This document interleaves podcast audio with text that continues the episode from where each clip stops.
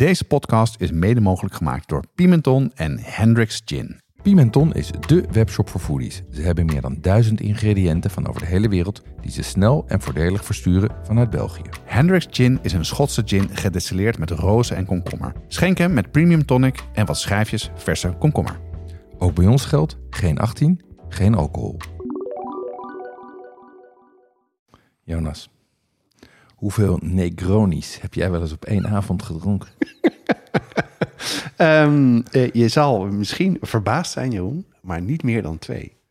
Ik weet nog wel dat, ehm, dat ik het in het begin eh, thuis maakte. En toen vond ik het heel lekker. Maar Ja. het nadeel van Negroni is, hij is super sterk qua alcohol. Het is echt een boozy cocktail. De klap komt vrij snel, maar wel iets later. Ja, En toen nam ik een tweede, ehm, en meteen daarna. En toen dacht ik van, wow, wacht even, dit moet ik niet nog een keer doen. Dus eh, nee, ik hou het bij twee en tegenwoordig gewoon maar bij één. ik heb wel eens drie gedaan. Oh, echt waar? Dat ja. raad ik af. Ik kruip er naar huis.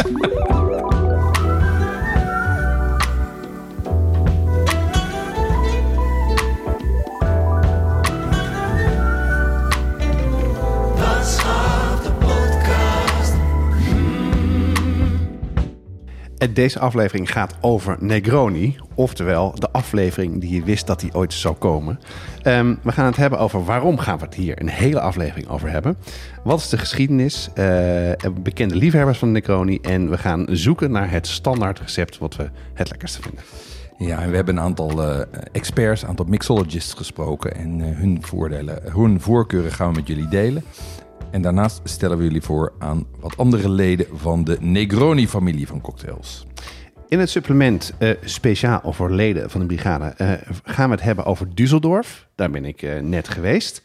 Ben jij ook eerder geweest. Heeft ook wel de naam Tokio aan de Rijn. Gaan we het over hebben van wat voor wijken zijn er, waar kan je lekker eten en hoe kan je in ieder geval een leuk weekendje wegdoen, best wel dichtbij. Ja, en het drankje, dat, eh, dat stellen we, stellen we even uit. Er staan er een paar. Ik, ik heb hier naast mij negen, negen potjes met eh, eh, verschillende Negroni staan. Dus dat komt helemaal goed qua Ja, drankjes. ik ben Ehm, met de fiets, Jeroen. Dat is heel verstandig van je deze keer. Wat, wat heb je uitgesproken de afgelopen tijd, Jonas? Ja, het is alweer een tijdje geleden, maar we zijn samen waren we uitgenodigd bij restaurant Saam. Dat staat voor Zuid-Afrika en Amsterdam. Dat is het nieuwe restaurant in Oudekerk en Amstel. En dat eh, probeert eh, de Nederlandse, nou ja, high-end culinaire keuken te combineren met de Zuid-Afrikaanse keuken.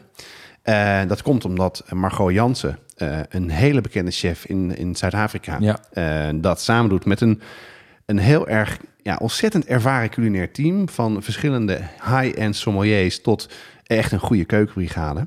Daar waren we uitgenodigd bij de, voor de opening en hebben daar heerlijk ge- genoten van, van lekkere dingen en, eh, en goede wijn. Maar nog dingen die jou toen die er nog bijgebleven zijn? Ja, wat, wat ik leuk vond was dat, het, eh, was dat het, laat ik zeggen, in de gerechten die ze maakten, die waren eh, internationaal geïnspireerd. Dus, de, de, de, de, de, ehm, ceviches en, eh, en dat soort eh, bereidingen. Ehm, maar je zag wel overal ehm, Zuid-Afrikaanse ingrediënten Ja. langskomen. Gedroogde besjes Ja. en, en allerlei, eh, ehm, laat ik zeggen, planten die alleen daar groeien, allerlei bereidingen. Dus ik vond het een hele, ik vond het, ik, ik ken Zuid-Afrikaanse keuken helemaal niet. Maar Go Jansen heeft natuurlijk een enorme reputatie. Ja, ja. En eh, ik vond het heel leuk eh, dat, ik, dat ik niet naar Kaapstad hoefde te vliegen om bij haar te eten. Ja. Ja, wat ik leuk vond, ze kwam nog even aan tafel langs en toen had ze het over de Rocca-broers. Toen dacht ik, de Rocca-broers, oh wauw, dat zijn echt de Rocca-broers van het, het restaurant in Spanje. Ja, die wisten niet goed wat ze met dit besje moesten. Ja, nee, dat moet je ook zo, zo gebruiken. Dus, Ja. eh, en dat is een hele leuke, leuke nuchtere tante. Dus eh, het is eh, high-end, erg lekker, maar vooral heel gezellig en met goede wijn. ja, dus mooie zaak. het was een mooie zaak, ja. Nou, verder heb ik weer eens een keer mijn kippenoven gebruikt. Ah, hoe kom Ja. je aan je kippenogen? Ja, die heb ik gekregen van een hele goede vriend van mij voor mijn verjaardag. Oh, Die tegelijkertijd met mijn vrouw aan het... ik weet nog wel, want ze zijn vrij moeilijk te vinden. Ze zijn van Moulinex, die hele oude oventjes. Ja, Eh, mijn vrouw was op zoek voor mijn verjaardag naar het ding. En die eh, was bij iemand thuis en zei... Ja, nee, hij is net weg. Eh, was dat een, eh, een man met een bril? Ja, ja, ja, die maakte ook een podcast. ja. dus, eh, maar goed, dat was weer perfect. ja. Eh, lekker met eh, boter onder de huid. En dat was echt heerlijk. En tegelijkertijd, toen ik dus bij de poelier was, heb ik gewoon meteen kippennek en karkassen gekocht. zoals ehm, Iwan Driessen dat maakt om een kippenfond te maken. Mhm. Dit heb ik ingekookt. En de ervaring met de vorige keer met het kalfsfond was dat het heel vet was. En daar was ik een beetje op, op voorbereid. Viel deze keer super mee, omdat ik namelijk... eh, ik had het gemaakt, ik had het op een gegeven moment buiten gezet. Eh, toen was het vet gestold, Ja. afgehaald. En toen ben ik het gaan rustig gaan inkoken. Helemaal, helemaal niks. Ging super snel, super makkelijk. Dus ik heb nu echt smaakbommetjes in mijn vriezer. Helemaal top. Lekker. En verder ehm, heb ik eh, iets nieuws in de keuken. Een donabe. Dat Tuurlijk. Is een, dat is een Japanse aardewerken pot. waar je in kan stomen, waar je rijst in kan maken. En waar je dus ook echt speciale Japanse soort van stoofschotels kan maken. En ook Koreaans. Dus eh daar ga ik binnenkort ga ik daar helemaal eh, mee aan de slag. Dus eh, Is dat een groot ding? ja, je hebt dus heel veel, heel veel formaten. Je hebt hele kleintjes tot hele grote. Dus dat was wel even zoeken naar, naar de juiste. En ehm, door corona is de import naar Nederland best wel even stilgelegen. Dus het is niet zo heel Ja. makkelijk aan te komen. Maar ik heb er eentje gevonden. En, en binnenkort gaat hij op mijn aparte eh, gasoventje. Want hij kan natuurlijk niet op inductie. Ah, Hij kan ook in de oven. Hij kan zelfs in de kamado, op de barbecue. En eh, nou, het is een beetje een soort kruising tussen een tagine en, en bijvoorbeeld een aardewerken pot waar je kaasfondue in maakt. Dat soort Oké, dingen. Dus eh, oké. ik ben heel benieuwd. Dus Heel daar ga ik eh, binnenkort eh, mee aan de slag. dus dat wordt vervolgd. Die, komt die zeker, komt nog een keer terug. zeker. Ik heb ook een mooi kookboek erbij gekocht. Dus, eh, Leuk. ja. En jij? Ehm, ik heb weer eens... eh, ja, ik heb een, een bucketlist dingetje afgevinkt. Ehm, eh, ik, ik heb al eens eerder verteld over Sushi Fanatics. Een, eh, een laat ik zeggen, ontzettend eh, kwalitatieve take-out van, eh, van sushi hier in Amsterdam. Betaalbaar. En moeilijk, moeilijk is dat, hè, om goede te vinden. Ja, een goede take-out sushi is echt moeilijk. Die zaten op de Albert Kuip en die zijn nu verhuisd naar een, eh, naar een winkel in, eh, in, in Oost. Ehm, en daar had ik besteld voor, eh, voor kerstavond. En eh, ik zat een beetje met te steggelen van, goh, hoe krijg ik dat dan in bakjes? En toen zei ze, wil je misschien de sushi-boot lenen? Echt waar? ja, Vet. We. Dus Had je die? die heb ik gehad. Dus Ja. ik, heb, ik, heb een, eh, ik, heb, dus ik kreeg losse bakjes. En vervolgens heb En een ik... boot. En een boot. Ja, leg En- even uit wat het is. want Ja, dat iedereen is dus een soort van, ja, van, van zwart plastic of lak. Ja. Is dat eigenlijk een soort eh, eh, boot van, nou, ik geef hem nu aan met mijn handen, ik denk centimeter of 60. Ja. Ehm, Een soort galjoen is een het, soort hè? galjoen, Ja. maar wel met een mast in het midden. Oh, met een- Met een mast in het midden. En, en daar zitten dus, eh, en, en daar liggen al, zijn allerlei plateautjes waar je sushi op kan leggen. En daar kan je dus je sushi overheen Heb ook draperen. Die heb ik ook gedaan. En dat was een doorslaand succes. Ja, ja, ja. Vond het toch mooi? Thijs? Iedereen vond het hartstikke mooi. Het enige was dat ik, eh, ehm, ik had te veel besteld. En dat is mij met sushi bijna nog nooit gelukt. Nee? Nee, maar ik had nu gewoon echt te veel. En dat is ook omdat ze hier zo royaal portioneren... dat ik gewoon eh, dat ik mijn normale bestelling wat naar beneden moest draaien. Maar ik had een prachtige selectie aan sushi en sashimi. En dus de boot, ja. Wat. Ja. En die, die hebben ze ook weer fijn. Eh, ik, heb no ik heb ze nooit gezien of nooit gesproken. Alleen maar eh, contact gehad via Instagram. En die kon ik gewoon komen halen. En ja, breng maar terug als het uitkomt. Dat vind ik ook fijn. Geen Ja. gedoe met borg of zo. Vertrouwen in de mens. Mooi. Ehm, en ik ben eh, Marien eh, Tan en Titi Waber. Ja. Ehm, eh, die hebben allebei kookboeken uitgebracht, Indonesische kookboeken. Vooral Marien Tan heeft recent Java gepubliceerd, een Javaans kookboek. En die hadden een pop-up restaurant bij, eh, bij Maureen aan huis. Eh, en daar zaten we met, ik denk, een man of 16. Daar kon je op intekenen van tevoren. Eh, acht gangen Indonesisch. En dat was ontzettend goed. Oh, wat leuk ja, zeg. dat was ontzettend goed en leuk. Ehm, en wat het leuke was, was dat het, laat ik zeggen, een beetje chefy was gepresenteerd. Niet heel erg, zoals wel plate service. Het was niet zeg maar rijsttafel, bakken op tafel en dus wel, wel, ja, ja. Ja, wel gepleed. Ehm, en, en dat waren hele mooie gerechten. Die varieerden van een, gewoon een, sla, een, blaadje sla met een gestoomde sambal naar eh eh, saté, een soort van saté lillit, maar dan dus hè, of, zeg maar saté van gehakt gemaakt. Ehm, maar dan van, eh, van geitenvlees. Is dan een hele mooie een zijde van, ehm, eh, van zeebaars. Met daarbij een, een, een, een, een Indonesische saus op basis van, eh, van, kok, van eh, kokos. Ehm, ze hadden een sayur lodeh, wat een groentegerecht is. En die had ze gepresenteerd zoals Alain Passard, dus als een pakketje, zeg maar. Oh, wauw. Dus dat was Ja. echt, dat was ontzettend leuk. En wat ook grappig is, is dat dat natuurlijk ook allemaal echte food nerds aantrekt. Ehm, dus Dus het was een, ik eh, zag wat, wat namen tussen zitten. Dus, eh, ja, er zat, eh, eh, ehm, ik kan me niet iedereen eh, voor de geest. Ik zag dat eh, op, eh, op de eerdere avonden dat weekend onder andere Ceviche Ceviche er was. Maar ik zag ook, ehm, ik zat daar samen met, eh, met Hanneke van Bouchon du Centre. Ja. En die had meegenomen Pascal Lahai? Ja, ja, dat is die bekende Ja, die- oude sterrenchef van Vermeer. En, eh, Exact, ja. exact. En die, eh, maar die, ik bedoel, daar zaten wij toevallig naast. En eh, dat was heel leuk, want dit zijn dus allemaal echt eh, eetliefhebbers die dan eh, die zich laten uitleggen wat er, wat er in de Indonesische keuken Ja, gebeurt. wat goed zeg. Dus, en dat heeft me ook gesterkt in de wens om eens, iets, om eens een aflevering te gaan maken Ja, over ja, dat zeggen we vaak, dus laten we dat maar snel gaan inplannen. de koe bij de hoorns Ja, vatten. Ja. Ehm, en tenslotte heb ik eindelijk gelezen Kitchen Confidential van ehm, eh, eh, Anthony Bourdain. Ja, dat is waar die onder andere beroemd om is, toch? Ja, dat is een boek wat hij heeft geschreven eh, begin deze eeuw, eh, 2000, eh, iets van rond 2000 of zo. Ehm, en daarin beschrijft hij eigenlijk hoe het is om te werken in, in, in zeg maar middenklasse zaken in New York. Ja. En het grappige is, de tijd dat hij, die hij beschrijft was, was zeg maar begin jaren negentig. En dat was dezelfde tijd dat ik in een zaak hier in Amsterdam werkte. En een aantal dingen die ik daar tegenkwam, van ik dacht, nou, dit is, dit is, eh, dit is idioot, dit is, het komt nergens voor. Ja. was hetzelfde als daar. Laat ik zeggen, het, het, het rariteitenkabinet wat er werkt, het personeel, wat toch altijd, altijd wel een beetje gekke types tussen zitten. Maar ook het krankzinnig harde werken en, eh, eh, en ook het excessieve drank- en drugsgebruik. Dat eh, was voor mij allemaal eh, angstwekkend eh, herkenbaar. Ja, dus ik vond, het, ik vond het heel leuk om dat eindelijk eens te lezen. Is het een leuk boek? Ik vond het een heel goed leesbaar boek. Het is smakelijk geschreven. Ehm, je moet wel interesse hebben in, in de horeca Ja. en hoe het er daaraan toe gaat. Ja. Ehm, maar het is een, ja, ik vond het een aanrader. Ja, ik moet meteen denken aan de film Boiling Point. Ja. Die, ik weet niet of die nog, nog draait in de, in de bioscopen, maar hij is op de streamers online goed te vinden. Eh, en dat gaat dus over, dat is net zoals de, de film aan 1917 over de Eerste Wereldoorlog, zo'n film die in één take is opgenomen. Ja. Dus je komt, de chef komt aanlopen en je gaat met hem mee en je gaat die, eh, Oh ja? de keuken in. Echt jongen, het is zo'n heftige film, zo goed gedaan, de druk, maar dan zie je ook weer precies wat jij schetst, hoe onwaarschijnlijk hard zo'n keuken, Ja. keuken kan zijn. Ja. Dus eh, Ja, en, en ik weet dus ook weer waarom ik toen heb gekozen om, om gewoon een vak te leren in plaats van de keuken door te gaan.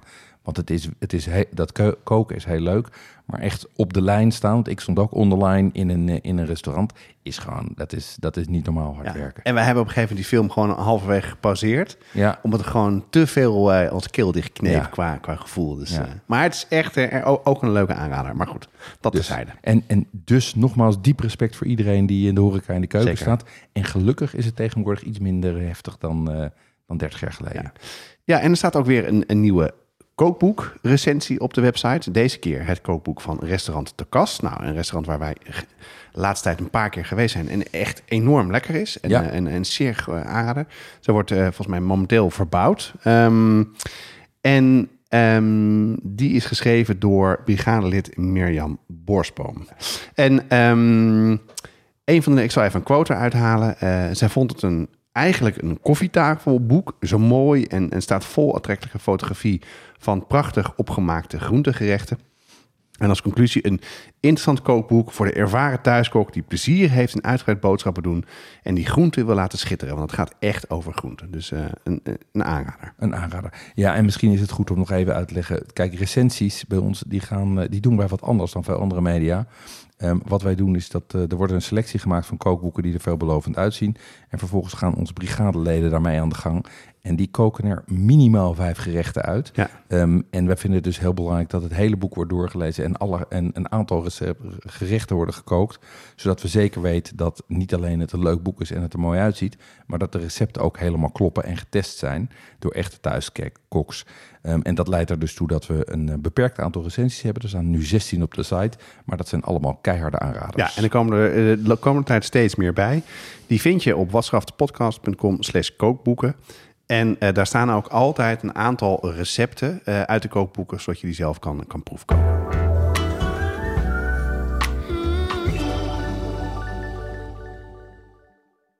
Jonas, we hebben een aflevering gemaakt over hot sauces. Dat deden we samen met de mannen achter Heat Supply.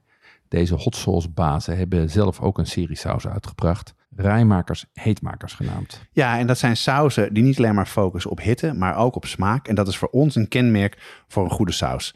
Ze lopen op in pittigheid, eh, van de milde immune booster tot aan de brain buzzer die behoorlijk heet is. En eh, wat ik er zo leuk aan vind is dat het een echt Nederlands product is en dat het prachtige flesjes of doosjes zijn. Nou ja, een flesje die uit een doosje steekt. Eh, heel mooi en leuk als cadeau. Je vindt rijmakers heetmakers op heatsupply.nl of vraag ernaar bij je delicatessenzaak. Nou, laat ik zeggen, tijd voor een drankje, Jeroen. Eh, de Negroni. Eh, daar staan al een aantal klaar. Ik heb er echt eh, zin in ook. Ehm, waarom wilde je het toch een keer helemaal een aflevering wijden aan de Negroni? Kijk, het is ons beider favoriete cocktail. Ja. Durf ik eh, Ja, zonder nee, meer klopt, te zetten. klopt. Ehm, hij, is, hij is heel eenvoudig te maken. Ehm, en hij is ook enorm verslavend. En dat maakt wel dat het een soort van cocktail is die op een unieke plek staat. Ehm, en dat leidt er dus ook toe dat er een aantal mensen zijn die er gewoon hele grote fans van zijn. En we hadden het net al even over Anthony Bourdain-. En die behoort tot die fans.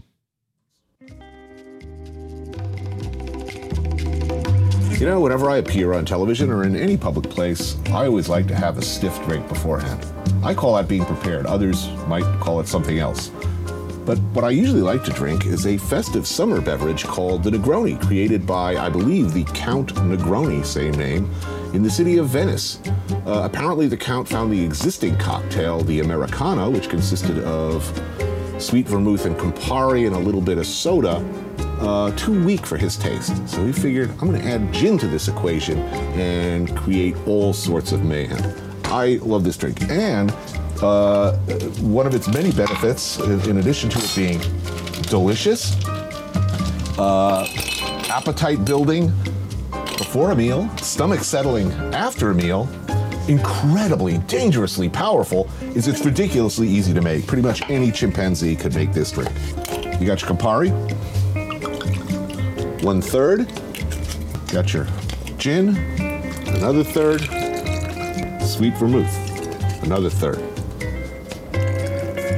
Now I know what you're thinking. You're thinking that that doesn't that doesn't sound good to me. And in fact, I don't really like any of these things by themselves, but together, oh yes, it's a satanic, delicious hell broth. By the way, orange, not lemon. except no substitutes. Plop that in there.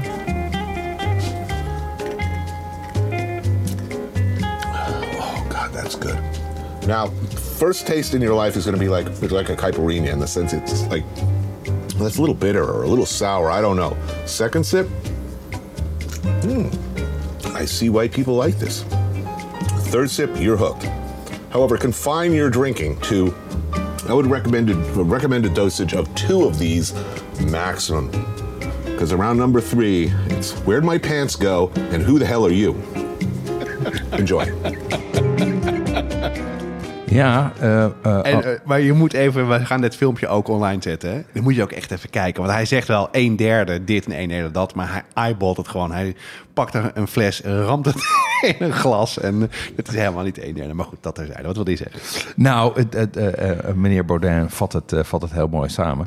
Ehm, maar toch is er nog meer over te vertellen. Ja, dat is zeker, zeker. Hey, in ehm, aflevering 4 hebben we het al over een Negroni gehad. Een eh, koffie Negroni, als ik Ja, het nog goed klopt. herinner. En toen vertelde een van onze luisteraars over de geschiedenis van de Negroni. Maar daar is wat controverse over, toch? Ja, ja, zoals hoort bij de, de meeste origin stories van, eh, van u alle dingen eigenlijk... zijn natuurlijk verschillende mensen die het claimen. Vooral Eh, met eten, hè? Is dat ja, vaak zo? ja, eh, het, het verhaal wat je het meest tegenkomt is dat... eh, ehm, in, eigenlijk begint het al in, 19, in 1860, want toen ontwikkelde Gaspare Campari van de bewuste drank, eh, de Milano Torino. En dat was een, eh, een combinatie van Campari met Ah, ja. rode vermoed. Nou, dat wist ik helemaal niet. Ehm, en, in de, en vervolgens kwamen de Amerikanen voor het eerst naar eh, Europa. Of eigenlijk zeg maar het Amerikaans toerisme kwam op gang. Ja. En die vonden de Milano Torino iets te stif. Dus die verdunden hem met wat soda. En zo ontstond de Americano. Vandaar de naam dus. Zo is het. Ja. Ehm, en in 1919 ze- vroeg Conte Camillo de Negroni aan de bartender in Café Cassoni in Florence om een sterker Americano. Die dacht dus, ja, dat verdunnen van die Amerikanen, dat schiet niet op. Kan die niet wat straffer? En bartender Fosco Scarselli vervangt de soda door gin en de citroen door de sinaasappel. En dat was de klassieke Negroni. Ja, dat hoor je van. Maar, jij, maar er is ook een ander verhaal, Ja, toch? er is ook een ander verhaal. En dat is namelijk het verhaal van Conte Pascal Olivier de Negroni. Ja, ja, ja. Die zei dat hij de Een de- andere Negroni. een andere Negroni, Ja. een andere Italiaanse een Conte. Conte, Precies. ja, Ehm, overigens wordt zijn, de status van zijn graafschap ter discussie gesteld. Die maakte de cocktail in 1857 in Senegal ehm, om zijn vrouw te helpen met de spijsvertering. Vertering. Maar de enige bron die dat bevestigt is uit 1980. Een krant, een Corsicaanse krant, ehm, die dat beschreef. En die zegt dat het gebeurde vlak voor de aanvang van de Eerste Wereldoorlog. Dus laat ik zeggen, de documentatie hierover is, is, is sketchy. Maar de nazaten van deze meneer Conte Pascal, Olivier de Negroni... eh, die proberen nog wel eh, het hele verhaal naar, eh, naar hun voorouders toe Ja, te ja. trekken. Dus dat is weer reden voor een, voor een pittige discussie. Ja, en nu weet ik wie dit ons verteld heeft. Dat is namelijk Joost. Ja. Een vriend van mij. Eh, en die heeft ook een prachtige eh, illustratie bijgemaakt. Ik ga even kijken of ik die bij hem kan op, eh, opsnorren. En dan delen we die ook even op, op socials. Namelijk erg leuk. Hij kan heel mooi tekenen. Maar goed. ehm, wij hebben het er nu al over. Ja. En ehm, je, terecht dat je zegt dat het een cocktail is die ik heel erg lekker vind. Dat klopt. Maar hoe kan het nou dat zo'n cocktail uit 1919 eh, nog steeds zo'n succes, zo'n succes geworden is? Ja, ik, ik denk dat daar een verschil- aantal verschillende factoren een rol spelen. Het eerste is dat het een vrij complexe gelaagde cocktail is. Het is echt wel een, een drankje, dat, dat hoor je Anthony Bourdain ook zeggen. Je begint hem te worden, het is een acquired taste. En als je hem Hij is heel bitter in hebt- het begin, Hij is eigenlijk best bitter, Ja. precies. Ehm, dus het is, hij, is- het is even wennen. Maar hij is heel eenvoudig te maken. Ehm, nou ja, je ziet hoe, in dat filmpje zie je hoe Anthony Bourdain gewoon een beetje, wat je zegt, eyeballt het, gooit Ja. het een beetje bij elkaar. Maar de essentie gelijke delen van de Ja, drie dranken. Maar ja? qua balans heeft hij er eigenlijk niet zo heel veel last van. Hij blijft best lekker, ook als je hem slecht maakt. Ehm, en eh, dat leidt er dus toe dat fans er heel enthousiast over zijn. En er ook echt wel meelopen te dwepen. Er zijn toch wel een aantal mensen die daar die heel erg enthousiast zijn. Zoals wij dat ook zijn. Ja. En tegen iedereen om hen heen vertellen dat ze nou eindelijk eens een Negroni moeten gaan drinken. Ja, ik herken het wel. Wat, eh, wat ik grappig vond, in die, in die podcast heb jij hem toen eh, voor mij gemaakt. Dat was de eerste keer dat ik hem dronk. En sinds die tijd ben ik hem ook gaan maken. Ook omdat ik hem lekker vond, maar ook omdat hij inderdaad zo makkelijk te maken is. En wat mij ook opgevallen is, dat hij in de afgelopen jaren veel populairder geworden is. Absoluut. Zeker in, in Amsterdam. Eh, ik denk ook in Rotterdam eh, komt hij veel vaker voor. Maar ik heb ook wel eens een paar keer gehad... eh, dat ik ergens op een terras zat en zin in een Negroni had. En zei, heb je een Negroni? Dat iemand me echt aankeek van, wat, wat, waar heb je het over? Ja, En ehm, wat ik leuk vind in Italië, is dat gewoon totaal niet nodig. Want iedereen kent een Negroni. Ook al staat hij op de kaart. Eh kijken ze even naar een drank. Oh ja, kan ik wel voor je maken. Ja, Ja, ja. ja. Maar hij is heel, inderdaad, ik herken heel erg wat je zegt. Hij is heel erg populair geworden. En wat ik ook lekker aan vind, aan, aan hij heeft ook een bepaalde viscositeit. De, de, er zit, er zit een bepaalde romigheid in, in als je het drinkt. En wat vaak met cocktails is, zeker met whisky, kan hij heel scherp zijn. En zeker gin ook. Het heeft deze veel minder. Dus, nee, hij, is, hij, hij is van, van zichzelf al heel ge- eh, gebalanceerd. Ja, maar hij is niet makkelijk. Want, eh, daarom ben ik heel blij dat we het over hebben. Ik heb hem nog niet helemaal in de vingers. Het klinkt een beetje raar, maar er zijn veel variabelen waar je eh, mee kan spelen. Ik heb hier negen varianten staan. Die gaan wij zo meteen proeven. Kom op, ga door. Ja, Ga door. ehm, nee, en het, maar het grappige is dat het, dat het is ook echt een cocktail met een geschiedenis. Ehm, er wordt al best wel lang, zijn er mensen die er enthousiast over zijn. Ehm, Orson Welles schreef er Oh in ja? 1947 al over. Ah, grappig. Ehm, die schrijft, the bitters are excellent for your liver. The gin is bad for you. They balance each other out. Ja, ja. Ehm, en ook de notaris Zuiplap Hemingway noemt hem, in, noemt hem in Across the River and Into the Trees en in The Good Lions. En ook niet onbelangrijk, eh, James Bond, als hij geen martini drinkt, pakt hij ook vaak een Negroni. Dus het is wel een, het is wel een drank met een zekere statuur en dat trekt mensen ook weer aan. Ja, en wat je dus ook ziet, is dat eh, in eh, de afgelopen, nou, zeg tien jaar of zo, eh, we hebben Anthony Bourdain net gehoord. Die is ook wel een reden geweest waarom mensen er heel erg enthousiast over worden, omdat die er veel over praten. Eh, maar in coronatijd is dat eh, anders gegaan, want eh, Stanley Tucci, Ja. ehm, misschien kennen hem nog wel van de fantastische foodfilm Big Night. Klopt? Die, ehm, ja, die had, ja, er was niet zoveel te doen. En dus zijn vrouw pakte de telefoon en filmde hem terwijl hij een Negroni maakt. En ja, dat, het is echt een acteur. Hij kan het prachtig brengen. Dus, en dat is echt ontploft. Dus zij hebben er ook wel voor gezorgd dat veel mensen hem zijn gaan proberen. Ja, en het is niet alleen Stanley Tucci die, eh, die daarmee eh, viral is gegaan. Recenter is eh, ook Emma Darcy van ehm, eh, House of Dragons. Die is, die is viral gegaan op TikTok met de Negroni Spagliato. Oké. Ehm, dus, dus ook de jongere generatie wordt, wordt blootgesteld aan het enthousiasme over de Negroni. Eh, en, en dat leidt er dus toe dat, dat, je, dat, de, dat, het, eh, dat de verkrijgbaarheid heel goed is. Jij zei in Italië kan je het overal krijgen. Maar ik heb ook wel eens gehad dat ik hem gewoon eh, in de lucht kreeg bij, bij Alitalia. Dat je hem daar kon bestellen. Ik heb in New York een bar meegemaakt Ah, waar die gewoon on tap was. Daar kon je hem gewoon, dat, daar, daar werden ze zo vaak besteld dat hij gewoon meteen uit, een, uit de kraan kwam, zeg maar. Ja. Goed, we hebben al een paar keer gezegd, het basisrecept is gelijke delen Campari, gelijke delen gin en gelijke delen rode vermoed. Ehm, maar er zijn heel veel manieren. Eh, jij hebt daar met veel mensen over gesproken. Laten we beginnen met wat is het officiële recept? Ja, nou ja, de vraag is dan natuurlijk, wat is de bron voor het officiële recept? Ik kijk graag naar Diffords. Ja, wat is Eh? Diffords is een, is een cocktailwebsite waar, eh, waar eigenlijk een soort van de standaard recepten van de standaard recepten voor heel veel cocktails staan. Ja. Een soort van bijna een Wikipedia voor, voor cocktails. En die zeggen 30 milliliter gin, 30 milliliter rode vermoed, 30 milliliter Campari, een schijfje sinaasappel. Vervolgens roer je hem ja? met ijs en Ah, daarmee, daarmee verdun je hem. Oké. Ehm, en je serveert hem on the rocks, dus Ja. over ijs heen. En roeren doe je dat in het glas of doe je dat in een steering glas? Ja, dat mag allebei. Eh, je, eh, je, ehm, je hoort mensen die zeggen, you, you build him. Dus Ja. eigenlijk dat betekent dat je hem in het glas waarin je hem serveert eh, ook maakt. Dat is hoe Anthony Bourdain het in het filmpje doet. Ja. Ehm, maar er zijn ook veel recepten. En in ieder geval het officiële recept zegt, je roert hem in een stirring glas. Zodat hij eerst terugkoelt en dat hij daarna in je glas wordt Ja, eh, en dus een beetje verdund dan. En dus een beetje Ja. verdiend, precies. En een schijfje sinaasappel eh, en niet een zest van sinaasappel. En, daarover lopen de meningen uiteen. Ehm, in eh Diffords zegt een schijfje sinaasappel. Ehm, een aantal mixologisten die ik gesproken heb, die zeggen... ja, je kan toch echt beter een zest nemen. Ja. Want dan heb je niet dat sap ook erbij. Ja, en dit is dus eh, voor heel veel mensen goed te doen. Omdat Ja. gelijke delen zijn. Als je niet een jigger hebt, zo'n maatbekertje voor cocktails... kan je ook een, nou ja, gewoon een, eh, een glas waar je een, eh, Een shotglas, een en- eierdopje. een jenevertje uitdrinkt of iets... kan je pakken Ja. en dat dan gelijke delen doen. Ehm, maar wat ik wel merk, en dat zei ik net eigenlijk al wel... is het, soms vind ik hem heel lekker en soms vind ik hem echt niet lekker. Ja. En dan denk ik, hè?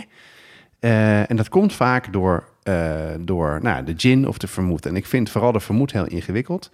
En is dat gek dat ik dat zeg of niet? Nee, dat is natuurlijk dat is heel belangrijk. Ehm, want je, aan de ene kant is het een, eh, is het een, eh, ehm, is het een vergevingsgezind drankje. Ja? Ehm, maar omdat er die gelijke delen in zitten en eigenlijk de smaak in belangrijke mate wordt. Kijk, Campari zit er eigenlijk altijd in. Daar gaan we het zo meteen ook nog wel even over hebben. Maar gin en vermoed maken heel veel uit. Dus wat ik even heb gedaan. Ik heb een aantal bekende bartenders en mixologists gevraagd naar hun voorkeur. Ja? Eh, Albert van Beek eh, eh, Citroen, die is van de Amsterdamse Cocktail Week. Tess Postumus van Flying Dutchman en die zat ook in onze cocktailaflevering. Lisette van Veren, die is eh, onze, onze vriendin van, eh, van Hendrix eh, Ja. Gin. Ja. Die doet natuurlijk ook heel veel van dat soort drankjes. En tenslotte Martin IJsma van Samoera. Ja. Een van de meest innovatieve mixologists die op dit moment in Amsterdam werkt. En Soul, hè? Precies. Nou, dat zijn, dat zijn goede namen. En waar kwamen die op uit? Wat, Nou. wat was in hun ogen wat je gebruikt? Nou, wat je natuurlijk bij dit soort mensen altijd terugkrijgt, is een soort van verhandeling over balans en wat hun eigen voorkeuren zijn en dat je dit kan doen en dat je dat kan doen. ja. En wat ik heb gedaan, is ik heb dat allemaal een beetje door elkaar gegooid en ik ben op drie varianten uitgekomen. Namelijk een basisvariant van Campari, Hendrix Gin en Dolin Vermoed.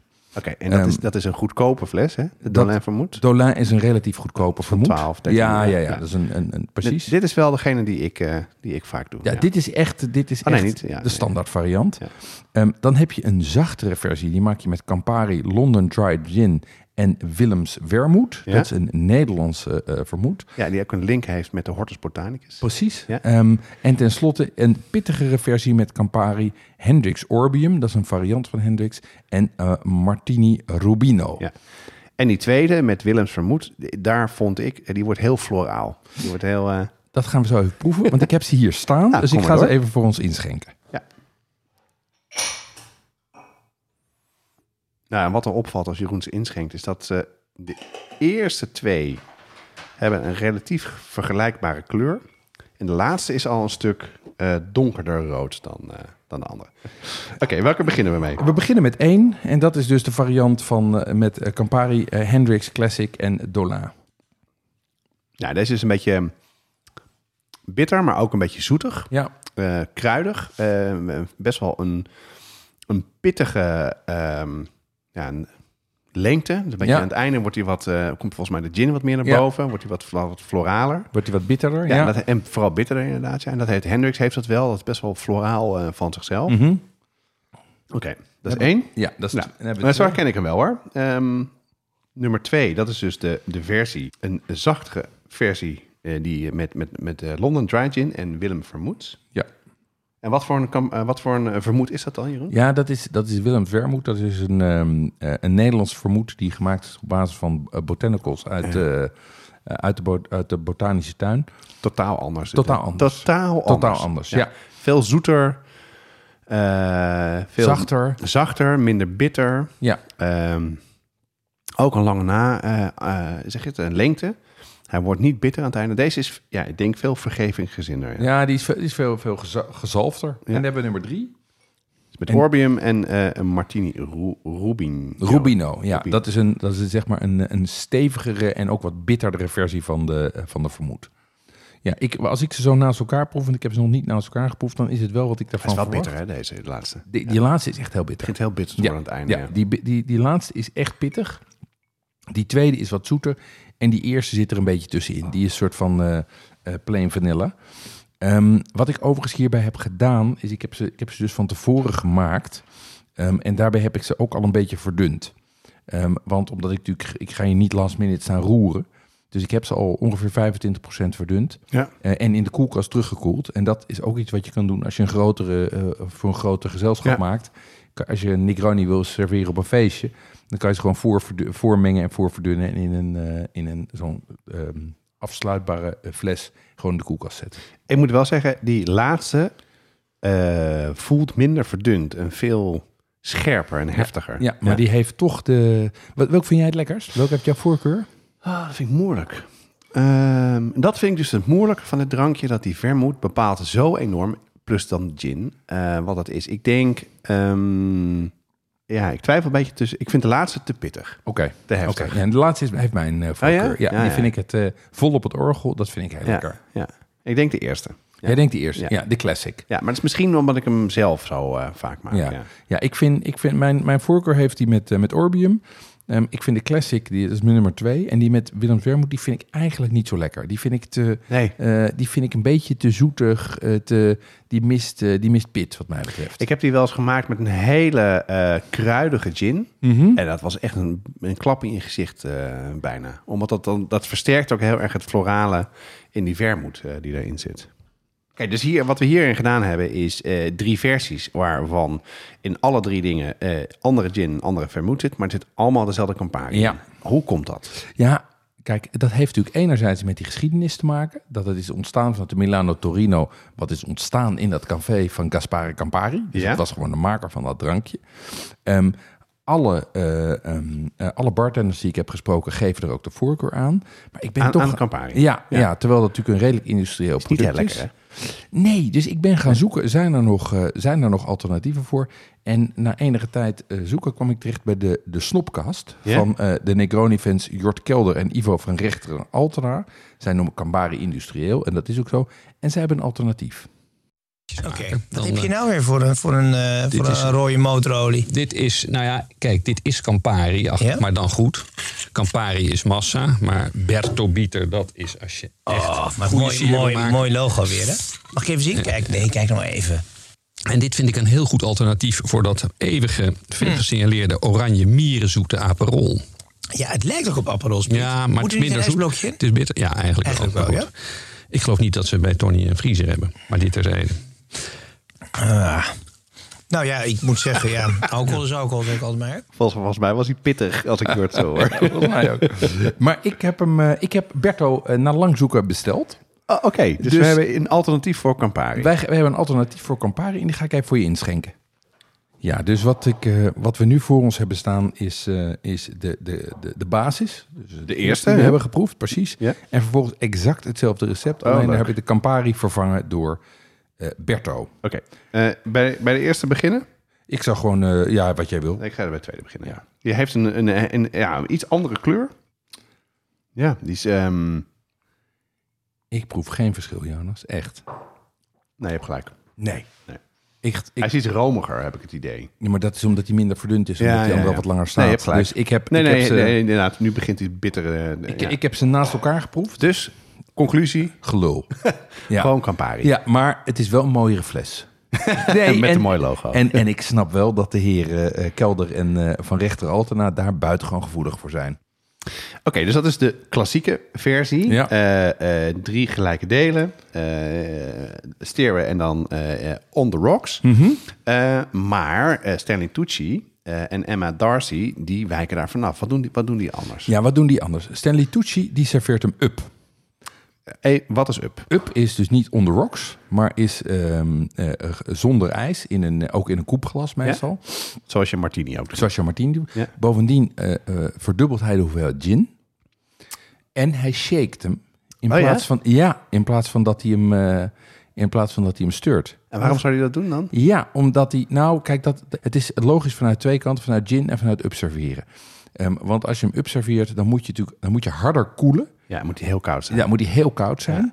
Ehm, en bovendien, ehm, met, die, eh, met die gin, Hij verdunt dan niet ook, hè? hij, precies, hij Ja. verdunt daarna niet meer. Ja. Dus je wil die verdunning al van het begin af aan hebben. En waarom is die verdunning nou zo belangrijk? Die verdunning is belangrijk omdat, omdat die anders te heftig is. Ja? En wat natuurlijk aan de andere kant is, als hij verdunt doordat er ijs in ligt, dan wordt hij een beetje waterig. Maar laten we die, eh die geshakte van, eh, van Stanley eens even gaan proberen. So, a Negroni. But we're going to make a Negroni up. So, fair amount of ice in a shaker. All right, then what you want is a double shot of gin. Uh, if you don't like gin, you can use vodka, and maybe you could just lace it with gin. Just put a little gin on the top, just to give that little bit of flavor, if you like.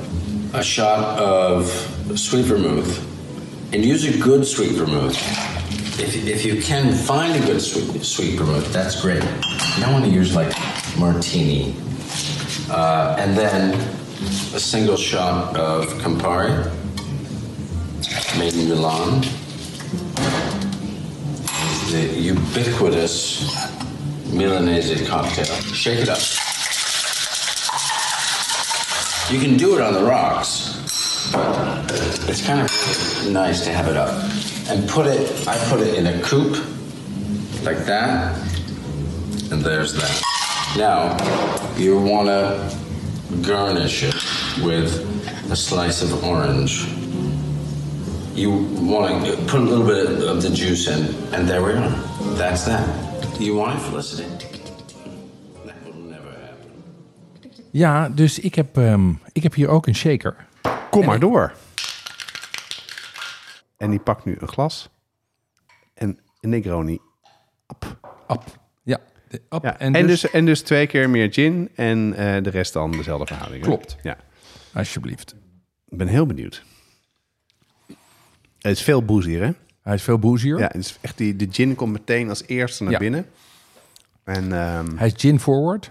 Ehm, Ja. en je, die kruidigheid van die gin, die proef je dus ook goed. ja, Ehm, en doordat je hem upserveert, is hij ook, ehm, heeft hij wat meer viscositeit. Is hij wat dikker. ja, dat is wel fijn eraan, ja. Dat is wat fijn. Maar ehm, ik, vind hem, eh, ik vind dit toch eh, minder geschikt.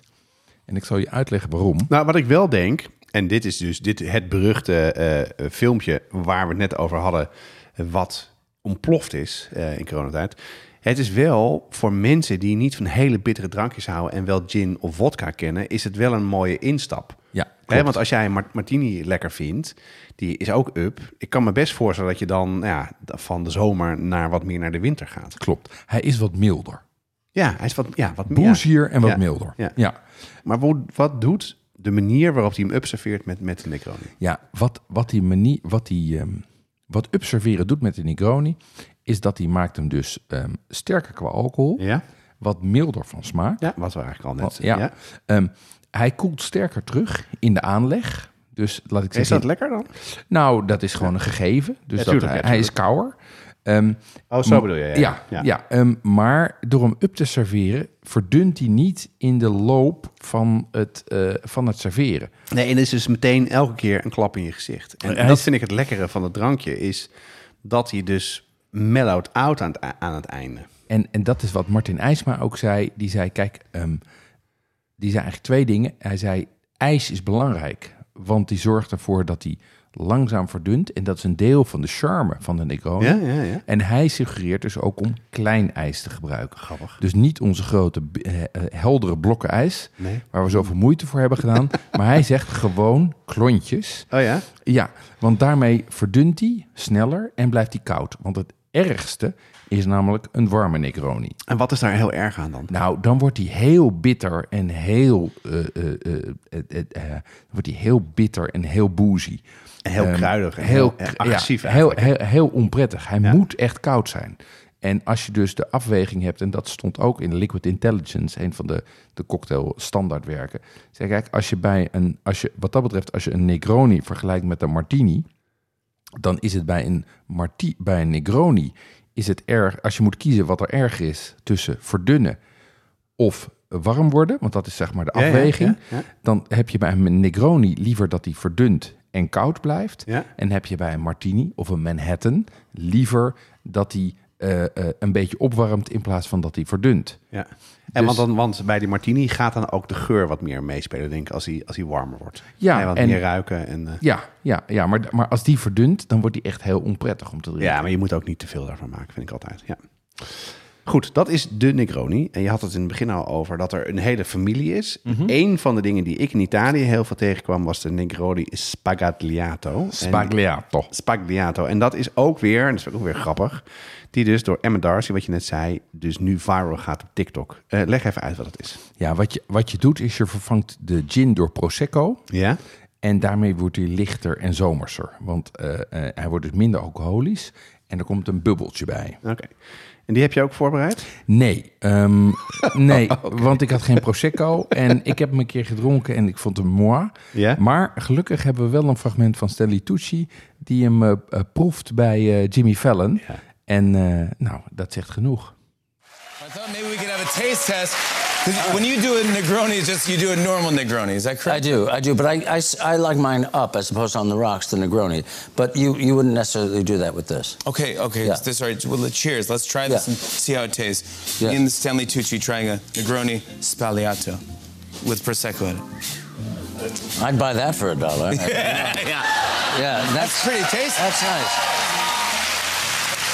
It tastes a little champagne to me. It's a little So too champagne. Yeah. Prosecco, yeah. It, it should have a little more of the harder alcohols in it. Right? Yeah, I think Yeah, so. I agree. I- I think, yeah. It really just needs like a little.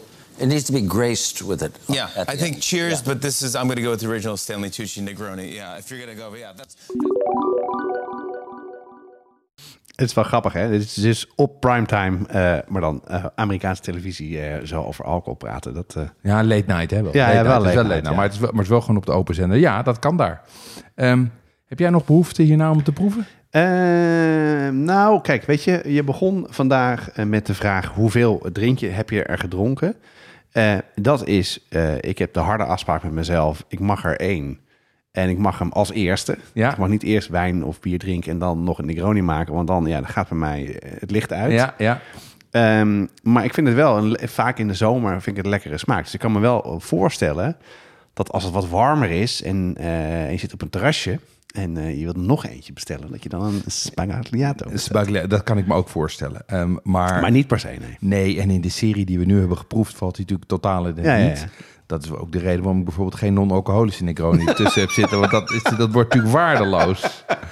Ehm, hoewel die best oké te maken zijn Ja. overigens. Maar dat is een heel ander verhaal. Hey, maar je had het ook over een Negroni varianten. Laten Ja. we daar eens even over hebben. Ja, je, je hebt nog de neven en de nichten van, eh, van de Negroni. Dat is een hele familie. Ehm, en eh, de eerste die ik heb is een Boulevard J. Ja, nou, daar heb ik al vaker over gehoord. Hoe maak je die? Een Boulevard J is, eh, eh, deze heb ik gemaakt van 30%, 30 milliliter bourbon. Oh, die eh, gaan we Makers proeven. Mark. Ja? 30 milliliter Campari en 30 milliliter Willem Wermoed. En waarom kies je dan voor deze eh vermoed? Omdat ehm, in het smaakprofiel van die... Kijk, die Makers Mark is natuurlijk... Of de, überhaupt die bourbon of rye, is eigenlijk de, het officiële recept... ehm, is ietsje zoeter en ietsje zwoeler dan, Ja. een, ehm, eh, dan eh, een, een, een, een gin. Ja, ja. Dus Ehm, dan wil je niet iets te hard tegenover. Nee, en daar wil Ja. ik en dan vind ik het lekker en dan ga ik laat ik de Willem Wermoed daarin meegaan. Dus dan benadruk ik nog even dat zoetige. Nou, kom maar op. Zo. Ik heb hier voor jou een Boulevardier. Ja, heel mooi. Ziet er hetzelfde uit, bijna, qua kleur. Ja, ietsje lichter volgens mij. Ja. Ruikt wel inderdaad meer naar whisky. Ja, ruikt naar bourbon. Ja, dit is wel lekker. Ik heb, kijk, ik heb hem wel eens eerder gedronken. Toen, toen vond ik het niet zo heel tof. Hij is heel zalvig is deze. Ja, hij en is heel, eh, veel- zwoeler is. Zwoeler, Ja. dat is het woord. Ja. Maar hij knalt er wel in aan het einde. ja, en dan komt toch die bitter van die Ja. Campari komt erin. Want, dus ja, ja, je zou, je zou hem met iets minder Campari kunnen maken. Maar hij is heel, ehm, eh, hij is heel smooth. Het leuke is, want dat vind ik wel leuk. Want hier proef je eerst een beetje de smaken van de whisky. En later dan wat meer, ehm, ja, zeg je dat? De florale van, eh, van de Campari. Ja. Ja. Ja, dus dat is, blijft de, lang hangen inderdaad. Ja. dat is de Boulevardier. Ehm ik vind de Boulevardier een, ehm, ook meer geschikt bijvoorbeeld als, eh, als after dinner. ja, zeker. Ehm, en ik vind hem ook iets winterser dan, Ja. dan de Negroni. Ja. Dus, ehm, dat heb ik al, ja, daar herken ik wel heel erg wat Ja. je zegt. dus dat, is een, eh, dat, is een, dat is een lekkere variant. Maar ik heb er nog eentje. En dat is de Mescal Negroni. Oeh, dat klinkt interessant. Ja. Ja, de- deze heb ik dus gemaakt met eh, Mescal Illegal. Dus dat is een, dat is een goede eh, blauwe agave eh mescal. Nou ja. Campari en Carpano d'Antica. Oké, en, dat- en dat is dan een vermoed? Dat is een vermoed. Ja? En dat is een van, de, een van de betere klassieke vermoeds. En die zijn, deze is ook wat voller, wat rokeriger. Die Ja. heeft, en dat gaat dus mee met die, eh, met die mescal. Wat ik heel tof hier aan vind, is dat de geur dus enorm meespeelt. Want je ruikt meteen die mescal Ja. en, die, en die rokerigheid. En je proeft hem ook meteen. Ja, maar ook lekker zeg. Ja, erg lekker. Hij is vrij ruig deze. Ja, je kan hier, hier moet je, dit- hier kan ik niet te veel van. eh. Je, van niks van deze kan je dat te veel hebben. Nee, nee, maar wat ik meer bedoel is, dat heeft eh mescal natuurlijk wel. Het is best wel scherp. Ja, het is rokerig en, scherp. Maar, ja, en, dat en- klopt. Dat klopt. Ehm, Maar hij heeft, hij heeft eh, qua eh, mondgevoel is hij heel goed. Heel Qua romig. mondgevoel is hij heel lekker. Qua geur is hij heel lekker. Ehm, ik heb een keer gehad dat ik in een, in een steakhouse was in, in L.A. Ja? En ehm, toen bestelde ik een, een, een Negroni, een Mescal Negroni. En er waren twee mensen die naar mij toe kwamen en die ho- overhoorden dat. Zei, oh, wat, wat bestelde je nou? Bestelde je een Mescal? Ik zei, ja, een Negroni. met Mescal. Oh, en die begonnen dat ook meteen te bestellen. Dus blijkbaar zit daar wel een soort van... Op die associatie met Mescal. Mensen vinden dat interessant. Vind je dit nou Ehm, lekker? Echt- Ik vind dit lekker, ja. Ja? Ik vind dit je lekker. niet te heftig? Nou, kijk, het, we, ehm, wat ik in de vorige aflevering over toetjes zeg, dat ik mijn toetje afstem op wat ik heb gegeten, dat is eigenlijk met een, met een, met een, eh, met een aperitief ook. Ehm, Ja, dat is waar. Dus Als als, je, als als ik hierna- Mexicaans gaat eten, dan als ik hierna een brisket ga eten, Ja. eh, dan vind ik dit prima. Ja. Ehm, eh, maar als ik, een, als, ik een, als ik een klassieke Italiaanse pasta, geba- eh, tomaatgebaseerde pasta heb, dan neem ik een klassieke Ja, Negroni. Dus ik vind deze wel erg lekker. Ik vind hem ook vooral erg lekker ruiken. Ehm, maar hij is, eh, hij is wel uitgesproken. Ja. Ja. Maar je houdt hier wel de verhouding ook hetzelfde. Verhoudingen zijn eigenlijk altijd hetzelfde. Ik moet zeggen, als ik met die mixologist praat en ook met eh, de mensen van Hendrix, die zeggen ja, die gaan dan toch 5, milliliter, 5 milliliter naar beneden of 5 milliliter omhoog. Om een beetje te, com- te compenseren voor de extra bitterheid Ja, van ja. eh, eh, de, het spul. Dat kan je natuurlijk doen, maar dat is zo specifiek en dan moet je ook eigenlijk tussendoor proeven. Dat ik dat, dat wil, dat is, het- dat is het soort fine-tunen wat je denk ik zelf moet doen. En ik heb er, eh, maar ik heb er nog twee voor je. ja, want we zijn toch zo lekker bezig. Het is hard werken, hè. Ah, je hebt me gelukkig van tevoren gewaarschuwd, kleine slokjes. Dus dat heb ik ook braaf aangehouden. Ja, nu gaat er eentje in een shaker. En Welke ben je nou aan het maken, Jeroen? Ja, ik ben nu aan het maken de Sicilian Negroni. Dat is dus een, eh, de Siciliaanse Negroni. Ehm, en die maak je met bloedsinusappel. Ah, oké. En, en waarom shake je die nou? Omdat er citrussap doorheen zit. Oh ja, en dan- als er dan citrus moet het, zit, hè? moet je eigenlijk altijd shaken. Ja. Ehm, dus dat is ook voor, je, voor de structuur. Ja, dus de, de, zodat het, eh, het, het citrus goed mixt met de drank, toch? De- Ja, dat het één geheel klopt, wordt. Klopt, klopt, klopt, Ja. klopt. Dus, en hier heb ik dus de vermoed vervangen door bloedsinusappelsap. Interessant zeg, hij dit. Ja, Ja. Deze, ehm, deze vind ik ook erg lekker. Deze is levensgevaarlijk, want dat is echt bijna een soort van limonade Ja. wat je drinkt. Ja, dat is het. Ehm, Hij is wel te zoet, vind ik hem. ja, ja, dat Of is, te zoet. Ik bedoel, hij hij is, aan de zoete kant, dat Ja. klopt. Ehm, ik, denk, ik zou hem nog meer koelen eigenlijk, nog meer klonten. En ik vind hem heel zomers. Ja, zeker wel. Dat zeker wel. Het ja. enige is dat die bloedsinusappels zijn natuurlijk alleen in de winter. dus dat is, soort van, dat is de paradox van een Sicilian Negroni. Ja. maar ja, dat zal het nu wel lekker weer zijn, denk ik. In, op Sicilië is volgens En mij waarom heb je nou deze, wil je deze doen? Leg eens uit. Wat. Ja, eh, omdat ik, omdat ik dit zo'n leuke, aparte variant vind. Ehm, omdat hij ook Italiaans is. En omdat hij... Hij doet wel denken aan een Negroni... maar hij heeft ook iets van een, van een Campari jus, zeg maar.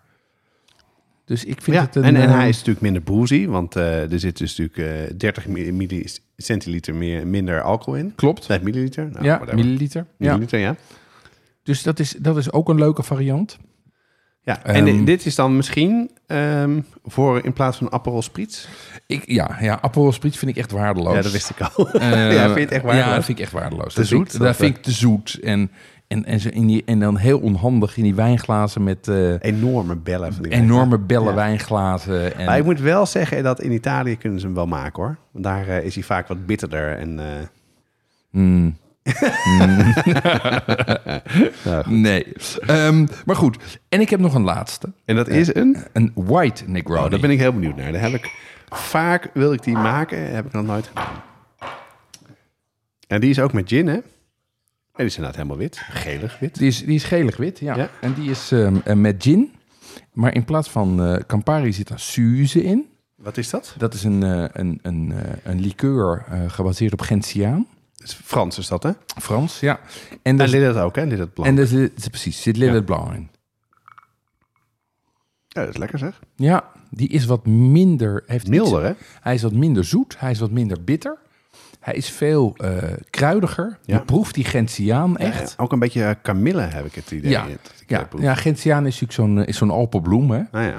En ehm, eh, ja, ik vind, ik vind deze wel lekker. Ehm, dit overigens is het enigszins... ja, maar het is wel zo, kijk, eh, Ja? ideaal voor de zomer, Ja, denk ik. Super koud. super In, koud. een, in een gechilled glas bijvoorbeeld, met een flinke ijsland erin. Alleen hij is wel levensgevaarlijk. Want je, omdat hij niet zo bitter is en dus ja, veel zoetiger, veel... Ja, eh, ga je hem denk ik veel sneller drinken. Ja, dat denk ik ook. En, en zeker als je hem natuurlijk ook nog heel koud maakt. Dan, ehm, Ja, ja, dan, dan proef je het minder. En overigens had eh, Tess Postumus, die had ook nog de suggestie voor een white mescal Negroni. Dus die combineert eigenlijk de ene na laatste en de laatste. Nee, de twee na laatste en de laatste. Ja. Ehm, dat is ook heel lekker. Ja, lijkt me ook, ja. Maar de vraag die zich bij mij dan opdient, is dat nog een Negroni? Want er vind- zit geen Campari in. Er Ik zit- vind deze witte geen Negroni meer. Nee, Nee. ik vind deze ook geen Negroni meer. Nee. En ik vind dus een, een white mescal Negroni... Ik vind hem wel erg lekker. Eh, Lekkerder dan ik had verwacht. Ja? Ehm, ja hij- maar hij is niet zo bitter. Nee, en hij mist die kenmerkende... Want dat is voor mij ook wel eetlust opwekkend. Dat is zeg een beetje maar, vlak, die, is hij. Ja, ja. Ja. hij heeft niet die complexiteit. Terwijl dat toch, eh de Hendrickson is toch best wel een, een pittige, eh, ja, een gin die aanwezig is. Dat is toch echt best wel verdwenen hier, hierin. Ja, en, en eh, de Suze is ook vrij aanwezig. En de Lillet eh, heeft ook best veel Dat smaak. zoetige is dat, denk ik. Ja, hè? maar, maar bij elkaar is het lekker. Maar ja, ik vind het geen Negroni meer. Nee, nee, eens. Wel heel leuk met die bloedsinusappel en dit. Leuk om geprobeerd te hebben. Wel lekker, allebei. Ja, Eh, maar hele andere soort, ander soort drankjes, wat mij betreft. totaal Ja. anders. Ja. Ehm, zullen we even samenvatten? Laten we dat doen. ik kan er niet veel meer hebben, namelijk. Nee, we zijn nog klaar. Ja, gelukkig. Maar ik vond het ontzettend leuk. Ja. Nou, de Negroni is een klassieker en eh, eh, dat, die is heel lekker. En je moet al dat gehype en gedweep gewoon een beetje achter je laten. En ja, het is een beetje een eh havermelk elite drankje in de, in, de, in de Randstad. Maar ja, weet je, eh, probeer hem een keer, bestel hem een keer en zeker dat het lekker is. Nou, de basis zijn gelijke delen Campari, overal te koop, gin en vermoed. En eh, de richting eh, van de drank, dat hebben we net zeker bij het begin gezien, wordt vooral bepaald door het soort gin dat je gebruikt. Heel kruidig of wat droger.